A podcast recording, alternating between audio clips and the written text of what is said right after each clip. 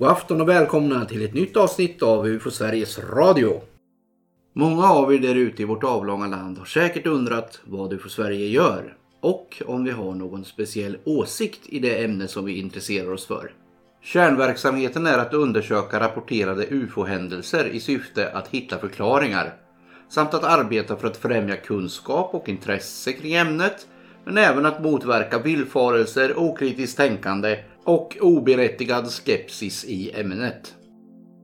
UFO Sverige kan genom lång erfarenhet och hårt arbete ge väl underbyggda förklaringar till de allra flesta rapporterade händelser. Men inte alla. Och det är väl där de genuina UFO-fenomenen tar vid. Ni som lyssnar på UFO Sveriges Radio, om vi nu har några trogna lyssnare redan, har säkert avsnittet om begreppet UFO i färskt minne. Och hur begreppet tolkas av organisationen. I UFO Sveriges idéprogram framgår det att det finns en kärna av UFO-rapporter som representerar hittills okända eller icke tillräckligt undersökta fenomen. Med mycket stor sannolikhet rör det sig om flera okända fenomen som inte behöver ha något samband med varandra, men som rapporteras in som UFO. Organisationen som sådan har inte någon uttalad åsikt om vad de genuina UFO-fenomenens ursprung eller natur är. Inbyggt i begreppet är att det är något okänt och att ha en förutbestämd uppfattning om vad det här okända är är inte en vetenskaplig och forskningsmässig metod. Den som är bekant med ämnet vet säkert att det finns en uppsjö av mer eller mindre kända teorier och hypoteser som på sitt sätt försöker förklara dessa ufo-fenomen.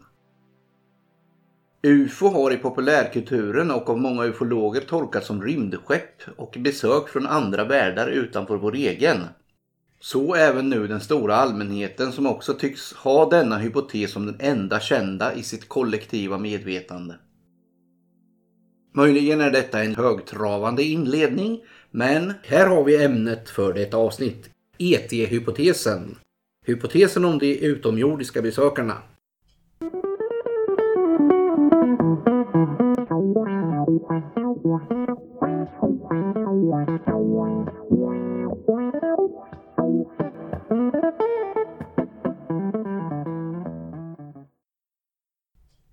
Och för att diskutera detta har jag vid min sida. Ja, ni kan få presentera er själva. Johan Gustafsson. Och Thomas Michanek. du Thomas har inte varit med i podden förut. Skulle du vilja presentera lite mer? Ja, jag är en styrelsemedlem i UFO Sverige. Eh, Jag har väl inte några speciella arbetsuppgifter där utan jag hjälper till med lite allt möjligt. Och jag heter Tobias Lindgren. Ska vi dra grunderna i den här hypotesen? Ja, vi kanske ska precisera vad vi egentligen menar med ET-hypotesen då. Och då är det ju så att vi i det här poddavsnittet pratar om UFO Sveriges syn på den utomjordiska hypotesen. Och det är alltså att vi får besök av fysiska varelser från en annan planet i något solsystem någonstans. ET-hypotesen, ja vad står det för? ET är alltså extraterrestrial, alltså terrestrial, jordligt, extra. Utanför. Utanför, ja. Ja. Så det kommer därifrån. ET-hypotesen, alltså besökare av fysiska varelser från en annan planet. Jag har ju lite svårt att ta till mig den som en eh, trolig förklaring faktiskt till UFO-observationerna. Och det grundar jag väl framförallt på en, ett argument som även eh, ufologen Jacques Vallée har tagit upp.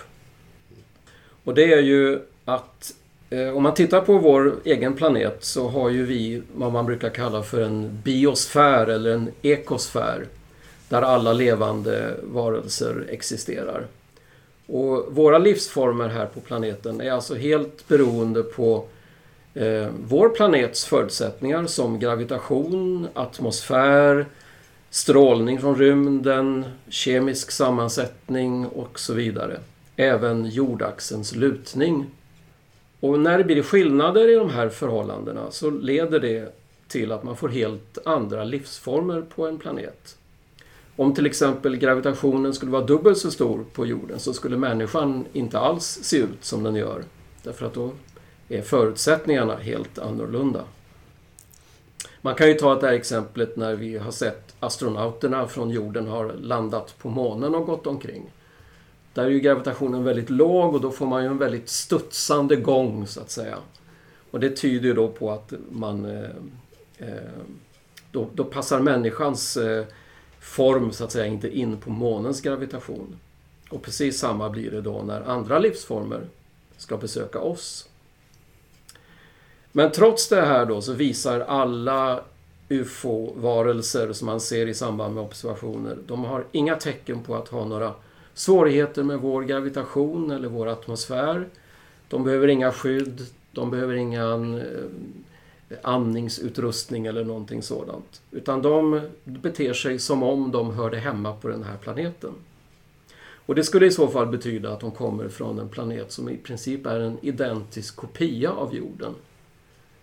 I annat fall skulle de då helt enkelt ha väldigt svårt att röra sig och röra sig fritt här på planeten. Ja, nej men det, eh, jag tycker du har helt rätt. Personligen så har jag också väldigt svårt för just den utomjordiska hypotesen och jag tror att ganska många av oss i UFO Sverige delar den uppfattningen. Eh, det har ju lagts fram ganska eh, många argument emot den även om de är mindre kända än vad just förespråkarnas argument för den är. Åtminstone utåt sett. Inom ufologiska kretsar så är det väl lite annorlunda. Exempelvis Jacques Vallée som du nämnde, såväl som eh, J. Allen Hynek och John Keel. Eh, för att nämna några av dem som har argumenterat ganska mycket emot teorin.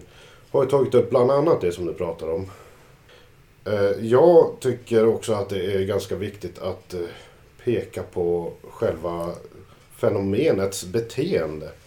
För när man tittar på det här fenomenet, ufo-fenomenet och i synnerhet närkontakterna då, när folk har mött sådana här saker på nära håll. I synnerhet när de har sett varelser då. Så tycker jag att det här fenomenet beter sig inte alls så som vi förväntar oss att det skulle göra. För att ta ett exempel så, som också har påpekats av Jacques Vallée. Är det väldigt många ombordtagna som beskriver att de om och om igen har blivit utsatta för medicinska experiment av till synes ganska så primitivt slag. När man då jämför det med vår medicinska kunskap så framstår det som ganska irrationellt att man skulle behöva gå tillväga på det viset för att göra det som de här utomjordiska entiteterna i underförstådd mening ska ägna sig åt. De tar prover utav folk, de tar blodprover, spermaprover.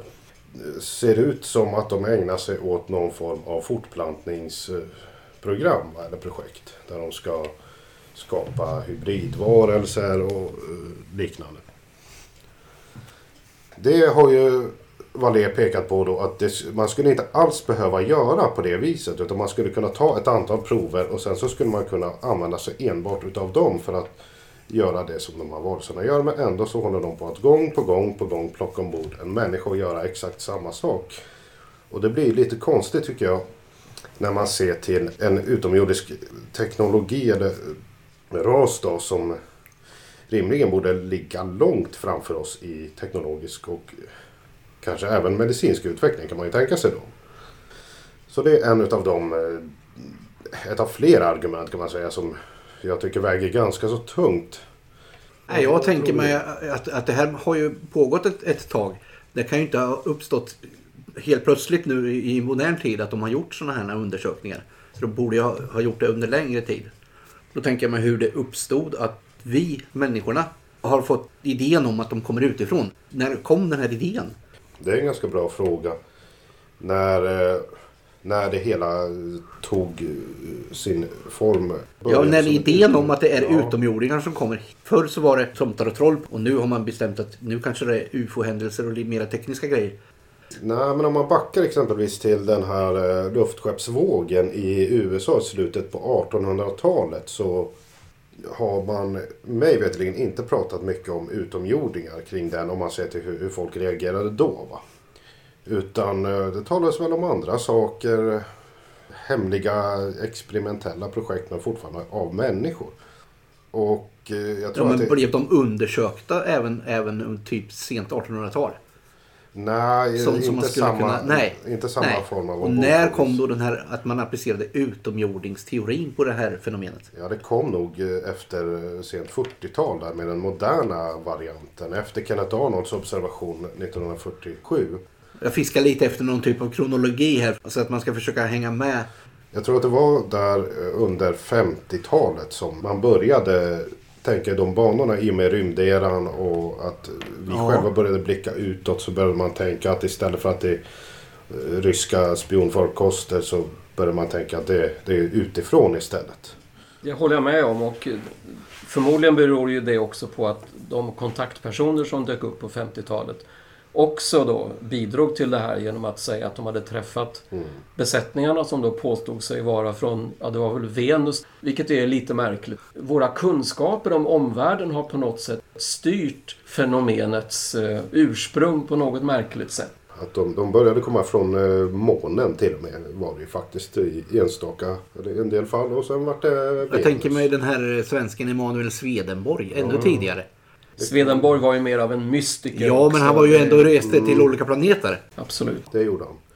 Men ja, jag tror att det vävdes samman ganska mycket i hans... eh, Ja, i, an, i hans... Men sen när man kommer fram till de här kontaktpersonerna, de var ju också på samma planeter. Ja, nej, det gick... Som, som vi förstår idag är helt... eh, De är ute och cyklar. Ja, Ja. det går inte helt enkelt. Det, det skulle vara Nej. fullkomligt Men otänkbart. d- där var det någon sorts grund till den här teorin. Början på 50-talet. Det är så vi... Ja, det, det kan man nog tänka sig att det började där. Och kontaktpersonerna hade väl sin del i det. Det, det tror jag absolut. Sen eh, kom det sig väl naturligt också med teknologin och själva ja, rymdkapplöpningen och allt det här till. Va? Att man började blicka. Det var en, en naturlig förklaring att titta åt. När vi själva började ta oss ut så började man tänka kan någonting annat komma hit? Men populärkulturen. Ja, den har ju kommit. Men jag tror att populärkulturen också är ett svar på... Alltså den har inte drivit frågan framåt. Ja, lite grann kan man kanske tänka sig att den har gjort det. Synnerhet Jag tänker den- i början på 50-talet där när de här fantastiska tefatsfilmerna kom. Och... Precis. Jo, nej, men i, i viss mån så tror jag att den, den kan ha bidragit, i synnerhet bland den breda allmänheten.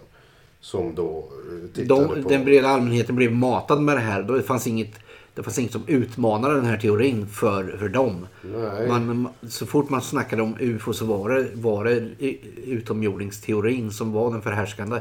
Det fanns inget att välja på. Från början var det så att i slutet av 40-talet då när det började i USA framförallt de, de första rapporterna att man pratade ju inte om utomjordingar då utan då var det ju ryska experiment ryssar. och så vidare. Och det var nog jordiska förklaringar från början. Men det dröjde nog lite. Just med tanke på rymdkapplöpningen så kom det här med rymdteorin in mer och mer. Jag tänker på den här gallupundersökningen som gjordes i slutet på 40-talet. Det fanns ju ingenting som snackade om eh, utomjordingar i den. Nej, då var det ryssarna. Det, det var Ja, ja inte bara ryssar, det var ju allt möjligt. Men det fanns, inget, fanns inga utomjordingar då. Nej. Nej, de kom Det, några år berodde senare. inte det på att frågeställning, att den inte fanns med i frågeställningen? Om det hade funnits en fråga om de kom från... Men var inte det ett alternativ? Då är det ju ännu bättre. Om, de inte, om det är ett alternativ och de inte svarar på den. Då finns inte det i medvetandet. Jag kan tänka mig att från, redan från start, från Kenneth Arnolds observationer började så fanns det alltid en och annan som funderade över men kan inte det där ha varit någonting från en annan planet? Eller någonting som kom från någon annanstans. Ser som att försvaret, alltså militära myndigheter i USA, de jobbade ju nästan enbart emot IT-hypotesen som den genuina, den, det outforskade fenomenet. Idag finns det ju flera olika teorier om vad ett genuint UFO-fenomen som representerar någonting okänt skulle kunna vara utöver utomjordingar.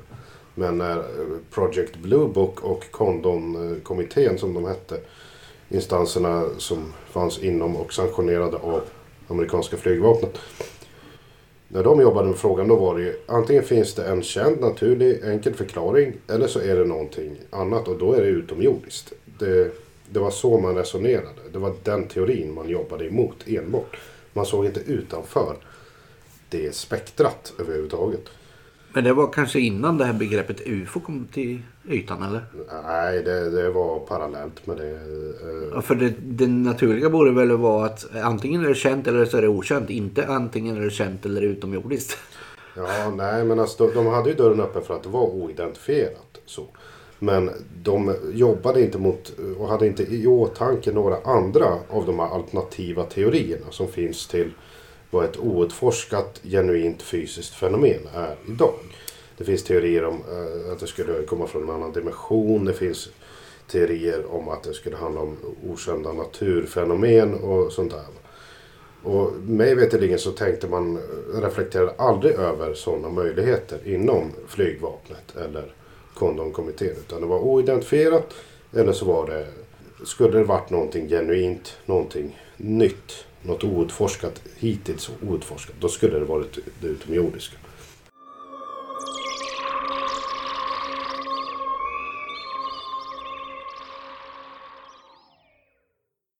Man kanske skulle kunna ta upp en annan, eh, ett annat litet argument också mot teorin. Det är ju någonting som Jacques Vallée också har varit inne på.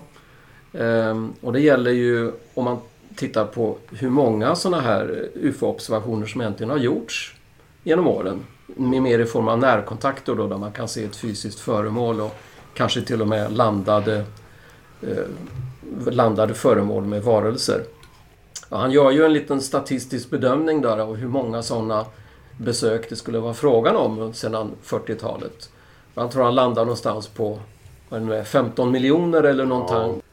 Och även, även om den siffran nu skulle vara överdriven så, är, så blir det ändå ett sånt enormt stort antal att det är väldigt svårt att förstå logiken bakom en utomjordisk civilisation som skulle ägna sig åt dessa kanske miljontals besök utan att på något sätt ta någon officiell kontakt eller på något sätt röja sig. Utan ständigt flyga omkring och dölja sig och eh, göra konstiga experiment och så vidare. Det är väldigt ologiskt kan man tycka. Ja, Valé själv drog väl gränsen redan vid 10 000 landningar. Att redan där skulle det här som de anses ägna sig åt, det som de ger sken av att de ägnar sig åt, alltså ta jordprover och eh, ja, plocka ombord människor och så. Alltså undersöka våran fauna och jordens biologi och dess invånare. Va? Det skulle ha räckt med kanske tusen landningar och experiment, va? undersökningar för, ett, för eh, att få en helhetsbild. Ifall man jobbar med det. Men istället så kommer man till att börja med upp i 10 000 och landar så småningom på, som du sa, flera åtskilliga miljoner. Och då börjar det ju gå lite överstyr känner jag i alla fall. Och det är det som du pekar på också Thomas och som Valle är inne på. att där verkar det som att det, det är någonting annat som pågår. Ja, det är inte det som det ser ut att vara. Jag jämför med, med, med, när vi åkte till månen. Vi har varit där sex gånger på månen och vi har redan, inte tröttnat kanske, men, men nu siktar vi på match istället. Vi har bytt upp oss väldigt rejält redan efter sex försök. Om de har varit här en miljon gånger. Mm. Det låter ju absurt. Ja. Sedan kan man naturligtvis alltid argumentera mot det här genom att säga att ja, men vi, vi kan ju inte jämföra oss med, med dem. De kanske har en annan agenda, en annan logik. Mm. De kanske är här för att övervaka och studera vår utveckling på lång sikt och så vidare. Men sett hur vi själva eh, anammar rymdutmaningarna och så vidare, då är det ett väldigt ologiskt sätt att, att närma sig en annan civilisation. Men de här miljontals besöken då, de, de har ju skett i närtid så att säga. De, de har ju inte skett under jordens utveckling. Det har vi ju inget bevis för. Nej, men jag menade alltså, var, var är mänskligheten på väg? Ja, ja, men jag tänker mig att de här en miljon besök har skett nyligen. Mm. Ja. ja, det är sedan 40-talet. Ja, alltså. och det är, ju, det är ju ännu konstigare. Mm. Varför gör de en miljon besök på så kort tid? Har de inte gjort det hela? hela? De borde ju ha studerat mänskligheten tidigare då.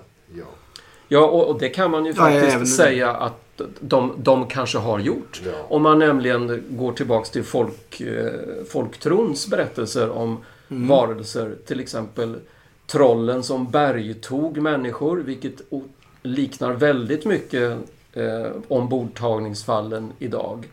Även om det, det inte var frågan om några slags rymdfarkoster då som kom.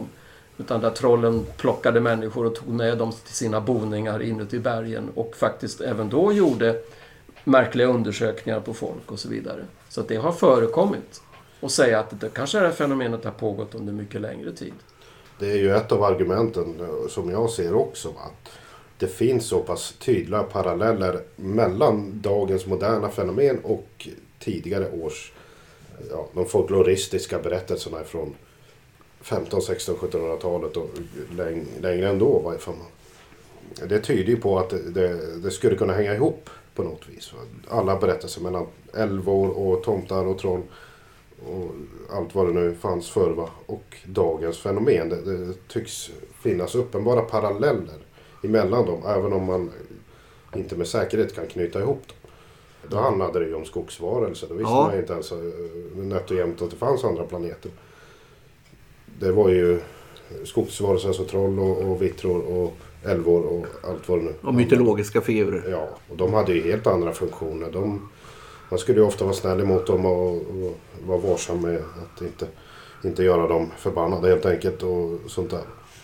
Så att det, det, det var Men när, vi, när teknologin utvecklas och, och eh, allting går framåt då kommer vi helt plötsligt att applicera utomjordingsteorin på de här varelserna och då förändras de mm. till utomjordingar. Ja, precis. Man ja. kan säga att det följer det kulturella. Och då helt plötsligt blir militären intresserad. Ja, de blir intresserade för att det, då börjar det ta former av någonting som skulle kunna utgöra en främmande teknologi.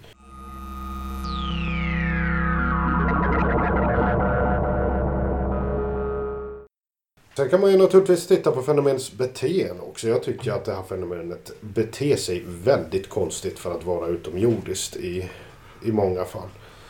Varför i hela världen kommer en flygande farkost, en diskusformad farkost, ner över en bil, lyser ner på bilen, stoppar dess motor, lysen och radio för att uh, hänga kvar där en stund och sen bara dra därifrån? Och i synnerhet varför händer det gång på gång på gång på gång i åtskilliga hundratals, sannolikt tusentals fall? Det, alltså det, jag tycker att det liknar betydligt mer någon form av skådespel. Va? Som att hej, här är vi, titta på oss, så här kan vi göra. Än att det skulle handla om någon, något utomjordiskt besök. Det, det, blir för mig fullkomligt obegripligt varför man ska göra så om och om och om igen. Sen är det viktigt att understryka vissa saker som exempelvis John Mack, eh, Harvard-psykiatriker, eh, som undersökte omborddragningsfall sa och det är att vi ska inte försöka förstå oss på utomjordisk psykologi. För det kan vi kanske inte göra ändå. Om man ändå försöker resonera lite om potentiella syften som vi skulle ha om vi besökte en annan planet så blir det verkligen totalt obegripligt att de gör på det där viset. Och landar och springer runt och beter sig som ingenting alls. De bara hoppar runt som ett gäng glada dagisbarn. Det och, nej, jag förstår det inte. Jag, jag, kan inte få ihop det riktigt med, med utomjordisk högteknologisk civilisation som kommer hit och gör på det viset. Nej, och sen skulle de då använda de här farkosterna som åker ner och stannar en bil till exempel. Flygande tefats liknande tingest. Att den skulle ha åkt från en annan planet.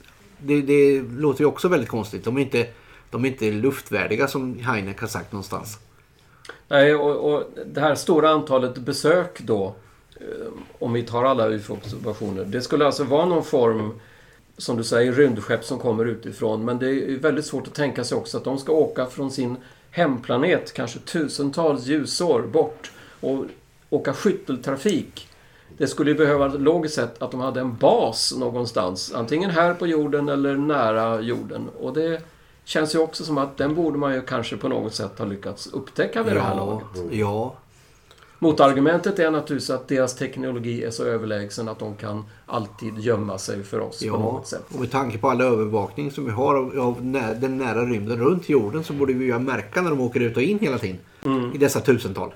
Men om de kan gömma sig för den, varför slår de då ut på radar mellan varven? Det är lite konstigt också. Det... Ja, och kraschar. Ja, det är också. Om de nu är så överlägsna teknologiskt, varför kraschar de då vi hade ett svenskt fall där ett UFO eh, skulle ha kraschat mot ett träd till mm. exempel och hamnat på marken och så vidare. Då undrar man vad, vad är högteknologin då ja, någonstans? Det är fullkomligt obegripligt. De tar sig hit från en annan planet bara för att komma hit och krocka en gren. Det är kanske inte det, det mest sannolika utav det. Och det är samma sak där. Det är inte bara en gång utan det är massor med sådana grejer. De har kraschat och de har gjort det igen och igen och igen. Leonard Stringfield, en amerikansk ufolog, gjorde ju en lång sammanställning Jag kommer inte ihåg hur många fall han kom upp i men det var åtskilliga tiotal som han bara hade lyckats dokumentera där det skulle handlat om olika krascher eller tillvarataganden av sådana här saker från militära myndigheter. De rapporterna kan naturligtvis gå att ifrågasätta men ponerar man bara att kanske hälften av dem är korrekta så skulle jag åtminstone inte jag känna mig säker med att sitta i den här farkosten och korsa kosmos i. För den tycks ju ha sina brister i så fall. om Man går i backen mellan varv.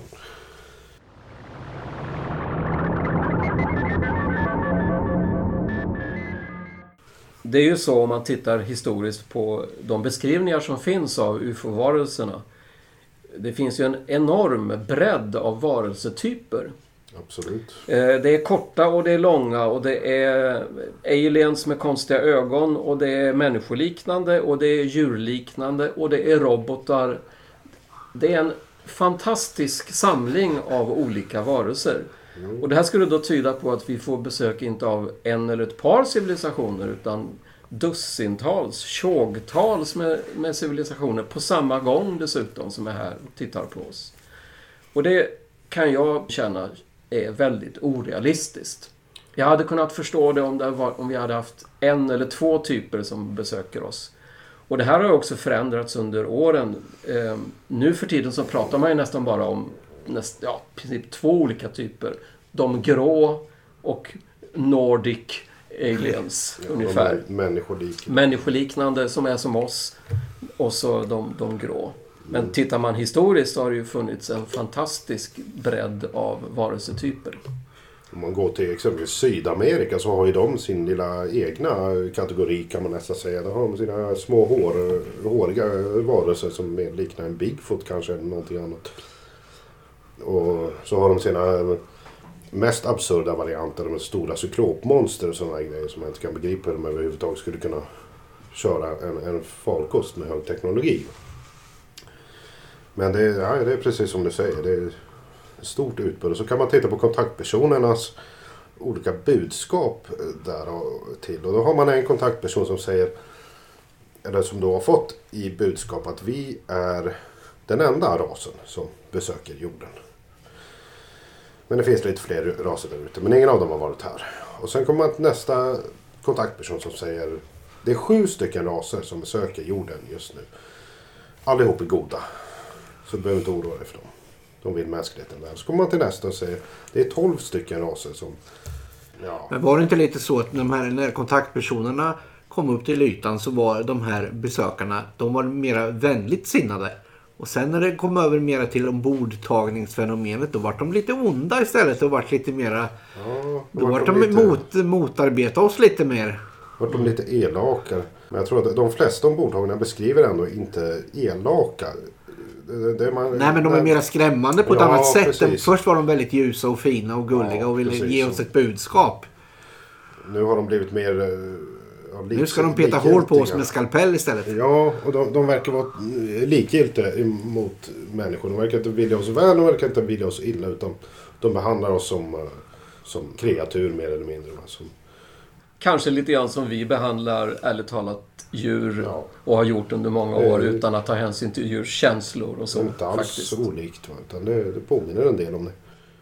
Och det skulle ju på något sätt kanske man skulle kunna säga möjligtvis skulle kunna argumentera för en slags utomjordisk teori då. Att de varelserna är så högt stående att de bara betraktar oss som helt ointressanta varelser och inte därför behöver ta hänsyn till våra De, kan, känslor. de eller- betraktar oss inte som mat. Nej, Nej, det gör de inte. Inte än så länge i alla fall.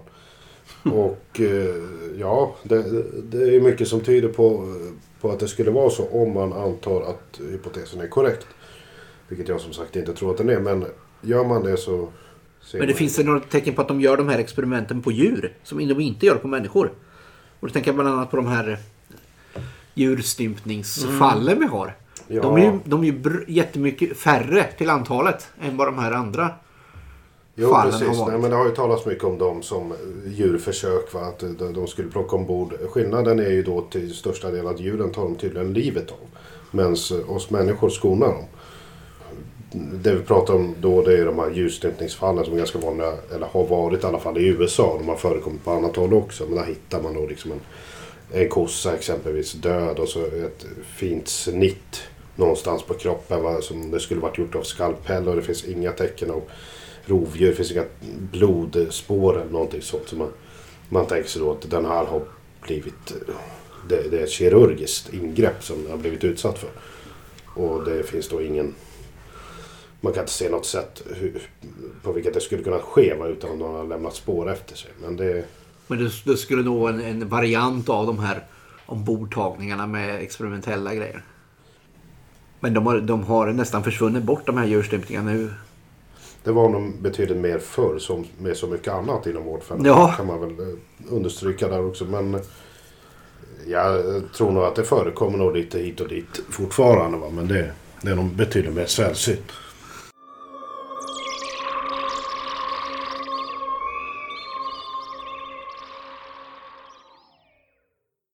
Om vi går framåt i tiden lite, framåt 60-talet, 70-talet.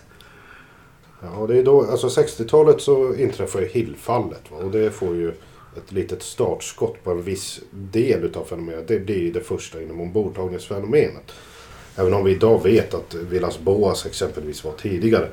Så eh, Betty och Barney Hill eh, de blir ombordtagna, eller de återger en sån berättelse i alla fall. Det är väldigt mycket kontrovers om vad det var som egentligen hände. Men de eh, upplever en tidsförlust när de färdas med bil i New Hampshire i USA. Var det 61? Boken kom väl 66-67 i alla fall. Och det var då som eh, det hela blev känt när John Fuller skrev boken The Interrupted Journey. Om då Betty och Barney Hills ombordtagna. De eh, upplevde en tidsförlust. Alltså de kom åkande och fick se ett ljusfenomen som kom ner över vägen. Och sen var, var det två timmar som fattades då när de kom hem.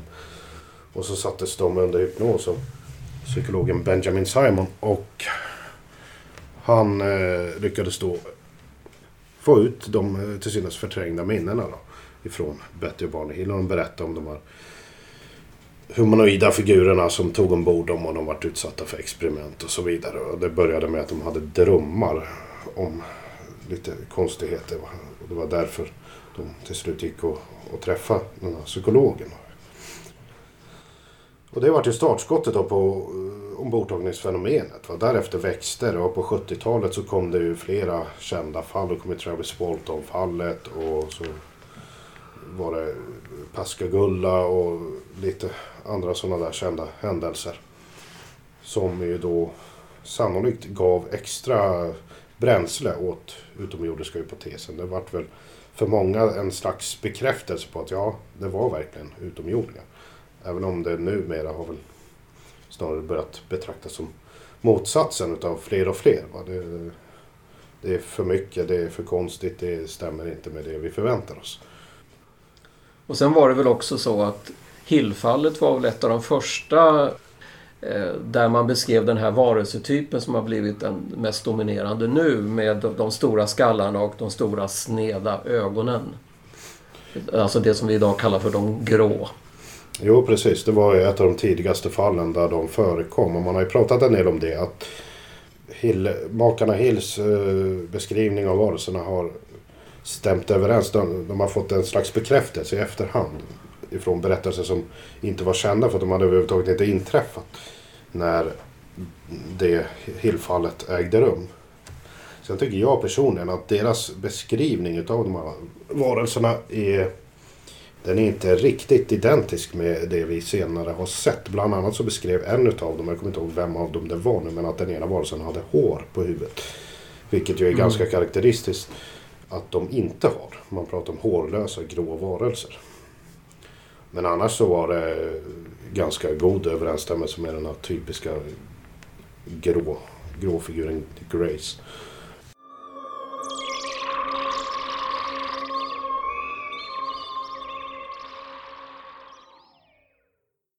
Men det utvecklar sig hela tiden med, med att tiden går. När vi kommer närmare vår egen tid. En, förändras utomjordingsteorin? Får man andra... Eller håller, de- håller de kvar de som... Jag tänker mig på försvar och så som är rädda för inkräktade för, mot, mot den egna landets säkerhet och så vidare. Alltså jag tror att det, det första starka motargumentet mot IT-hypotesen. Om man ska se liksom vart det började vända eller vart den var som störst och när det började gå i en annan riktning. Det var eh, John Keel kom med sin bok Operation Trojan Horse. Och den kom väl 70-talet någon gång.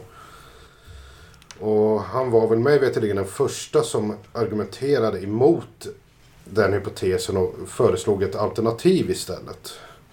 Så jag kan tänka mig att det var strax efter det som det började gå lite mer i en annan riktning. Man började se ett alternativ och började se motstridigheterna.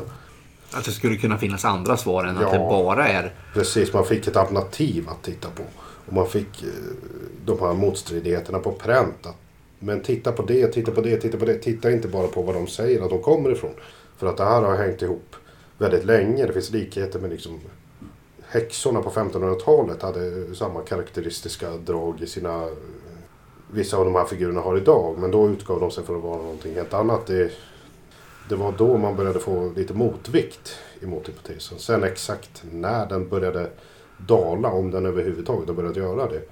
det Inom forskarvärlden och ufologin har den ju dalat. Den har det måste dalat. den ju ha gjort. Men i allmänna medvetandet hos vanligt folk så, så har den ju inte dalat. Nej, det har ju gått precis. i motsatt riktning. Det blir ju svårt för oss som ufologer att hela tiden få motargument mot den här då. Ja, det kan vara lite svårt alltså när man pratar med utomstående som överhuvudtaget inte är medvetna om ett alternativ till IT-hypotesen. Att få dem att, att greppa det. Att man pratar om ja men det kan vara någonting verkligt. Det kan vara någonting genuint. Någonting outforskat.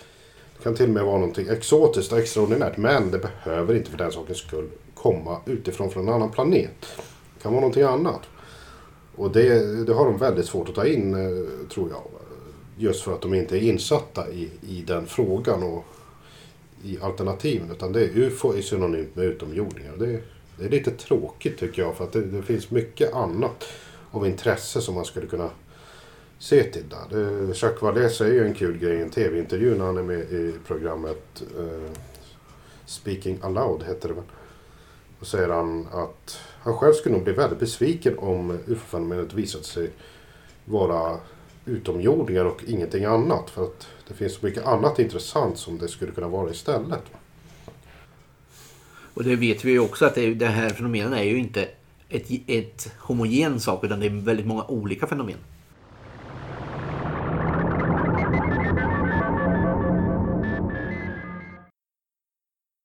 Ja, jag hade en liten tanke också. Det här med, det är många som ser eh, berättelserna för, från kontaktpersonerna som ett argument för att det verkligen är utomjordingar. För att de talar ju om varifrån de kommer helt enkelt.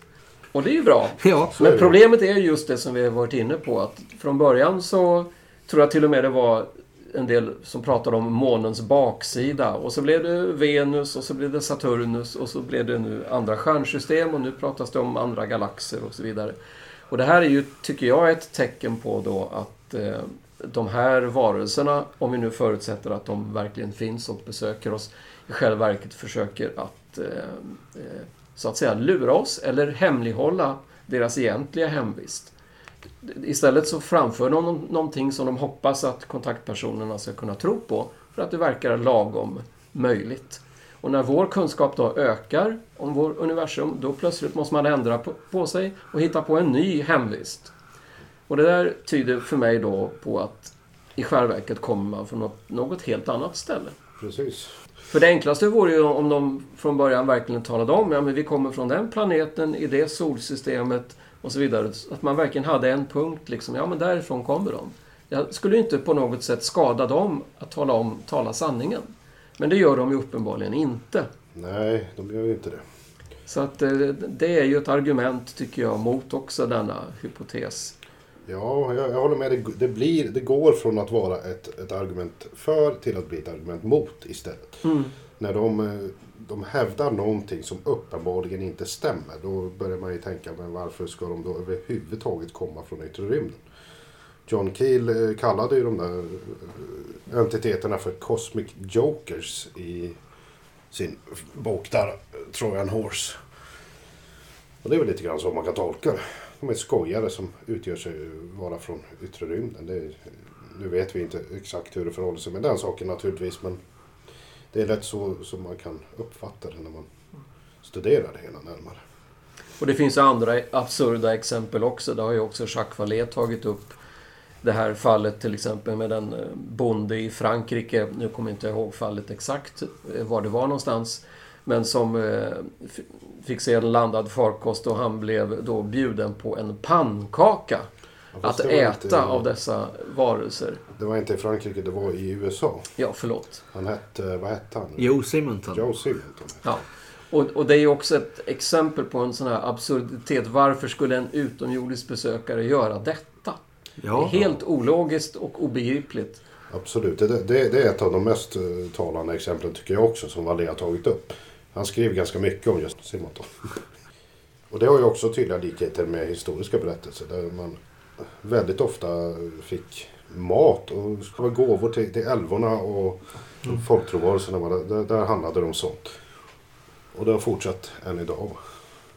Och där kan man ju läsa Eh, en bok som jag varmt rekommenderar. Passport to Magonia av Jacques Vallée. Där han ju just eh, tar det här pannkaksexemplet och jämför med gammal folktroberättelser. Det var ju nämligen så att den här pannkakan var helt fri från salt. Det fanns inget salt i den. Och det är ett typiskt inslag i gammal folktroberättelser att de här varelserna, de tycker inte om salt. Det finns inte salt i deras kost. Detta återkommer ju då återigen och blir en, en väldigt märklig aspekt av utomjordingsteorin.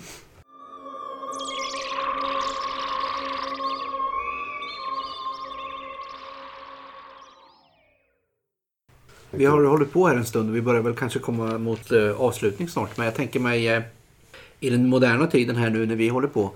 Vi har ju ingen officiell åsikt som vi har sagt.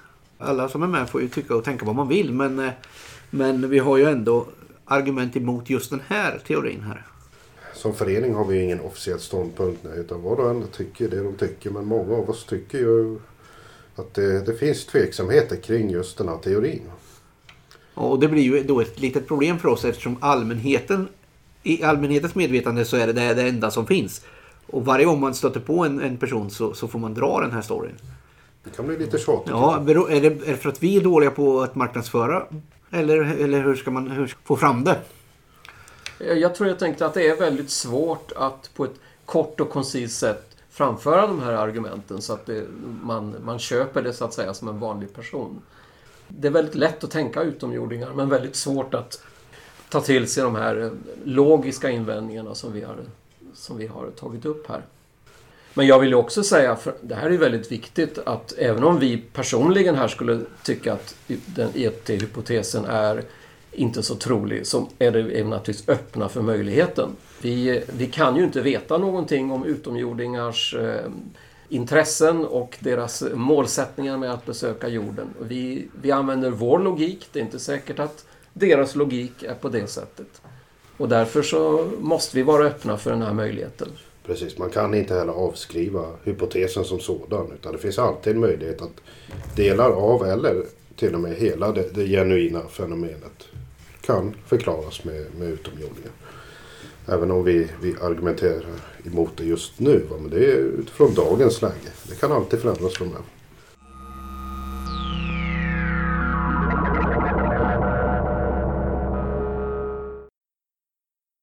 Ja, vi har ju de här utvecklingarna med Drakes ekvation och Fermis paradox och så vidare. Ska vi säga något om dem innan vi avslutar? Ja, det, det känns ju nästan som ett, ett väldigt stort ämne. De tangerar ju ändå ämnet. Absolut gör de Så att det. de behöver ju nämnas i sammanhanget. Och Drakes ekvation är ju alltså ett, ett eh, gammalt sätt att räkna ut sannolikheten för att det finns liv i universum och som dessutom skulle ha kontakt med oss. Så det finns ju absolut en parallell med, med den här teorin. Eh, Men det är ju en väldigt strikt vetenskaplig syn på det hela som tar hänsyn till stjärnors utveckling och så vidare. Den, teorin han, handlar ju inte alls om utomjordingars eh, eh, psykologi eller någonting liknande.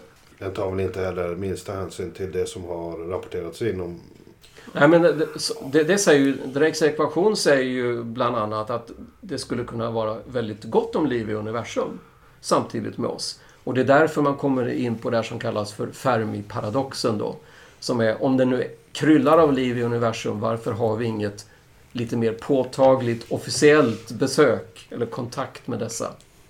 Och då tar man ju inte hänsyn till UFO-händelserna då eftersom man inte tycker att man kan vetenskapligt belägga att de faktiskt existerar som utomjordiska besökare. Utan då tar man mer hänsyn till de här officiella kontaktvägarna då som skulle ha varit. Varför har vi ingen kontakt? Det är det Fermi-paradoxen handlar om. Men det är ett djupt ämne. Ja, Ta till sig. jo, Ja, absolut. vi får, Eh. vi får ordna en egen podd Vi får eh, återkomma till det naturligtvis. Tycker ni att vi, vi ska lägga till något mer? Är det något vi saknar? Något som... Tycker vi kan avrunda. Vi ska inte skrämma bort lyssnarna med en alltför lång podd. Och så, så säger vi till lyssnarna att de inte ska glömma att höra av sig om de har några spörsmål eller sådär. Vi tar gärna emot önskemål om vad som ska diskuteras i UFO Sveriges Radio. Nej, Nej, då, då tackar jag väl för den här gången så, så får vi återkomma. ja. Då säger vi adjö. Hej! Hej på er! Hej.